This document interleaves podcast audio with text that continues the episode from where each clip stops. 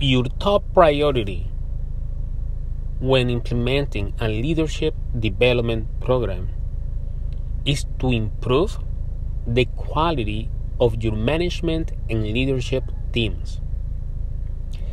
That should be the top objective of any development program for leaders and managers. Because every organization is the reflection of its leadership team. Of course, it's good for managers and leaders to learn new skills, to learn new tools, to learn new models and frameworks to manage and to lead organizations. But the first priority, even there is research published that shows that global organizations have as the top priority to improve the quality of their management and leadership teams. That's why when you look for any leadership development program or any leadership development trainer or business dedicated in the training industry, you have to make sure that the first priority is to improve, to increase the quality of your management and leadership team.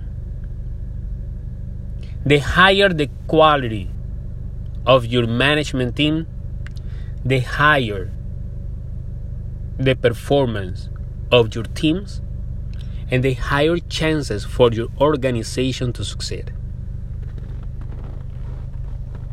Remember, it's not about your infrastructure, your system, your process, your technology, your assets. It's about people. And people are about behaviors, are about culture, and your management leadership team are the critical component. They are the creators of your culture, of your leadership and organizational culture and behaviors. The leaders and managers are the ones who model the behaviors of the organization and model the behavior of the employees within the organization and outside the organization. So you have to make sure that your organization has the right and the proper leadership team.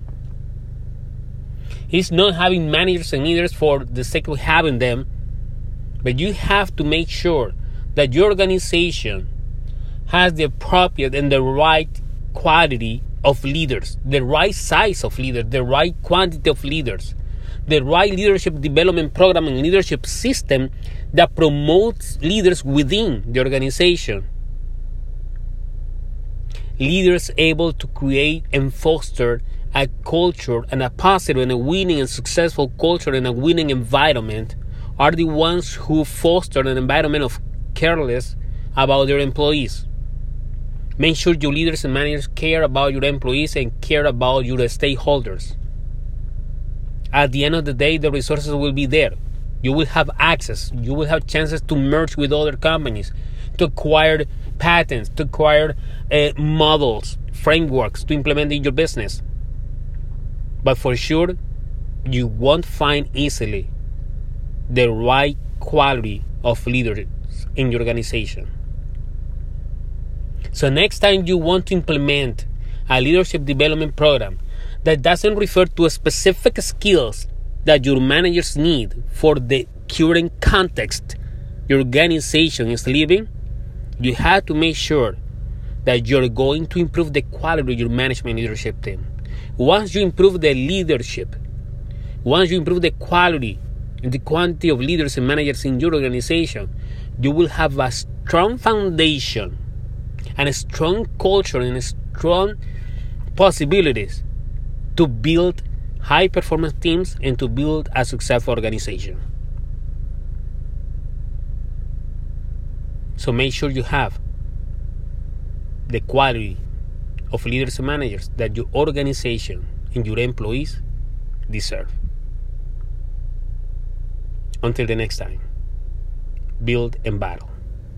Freddie G.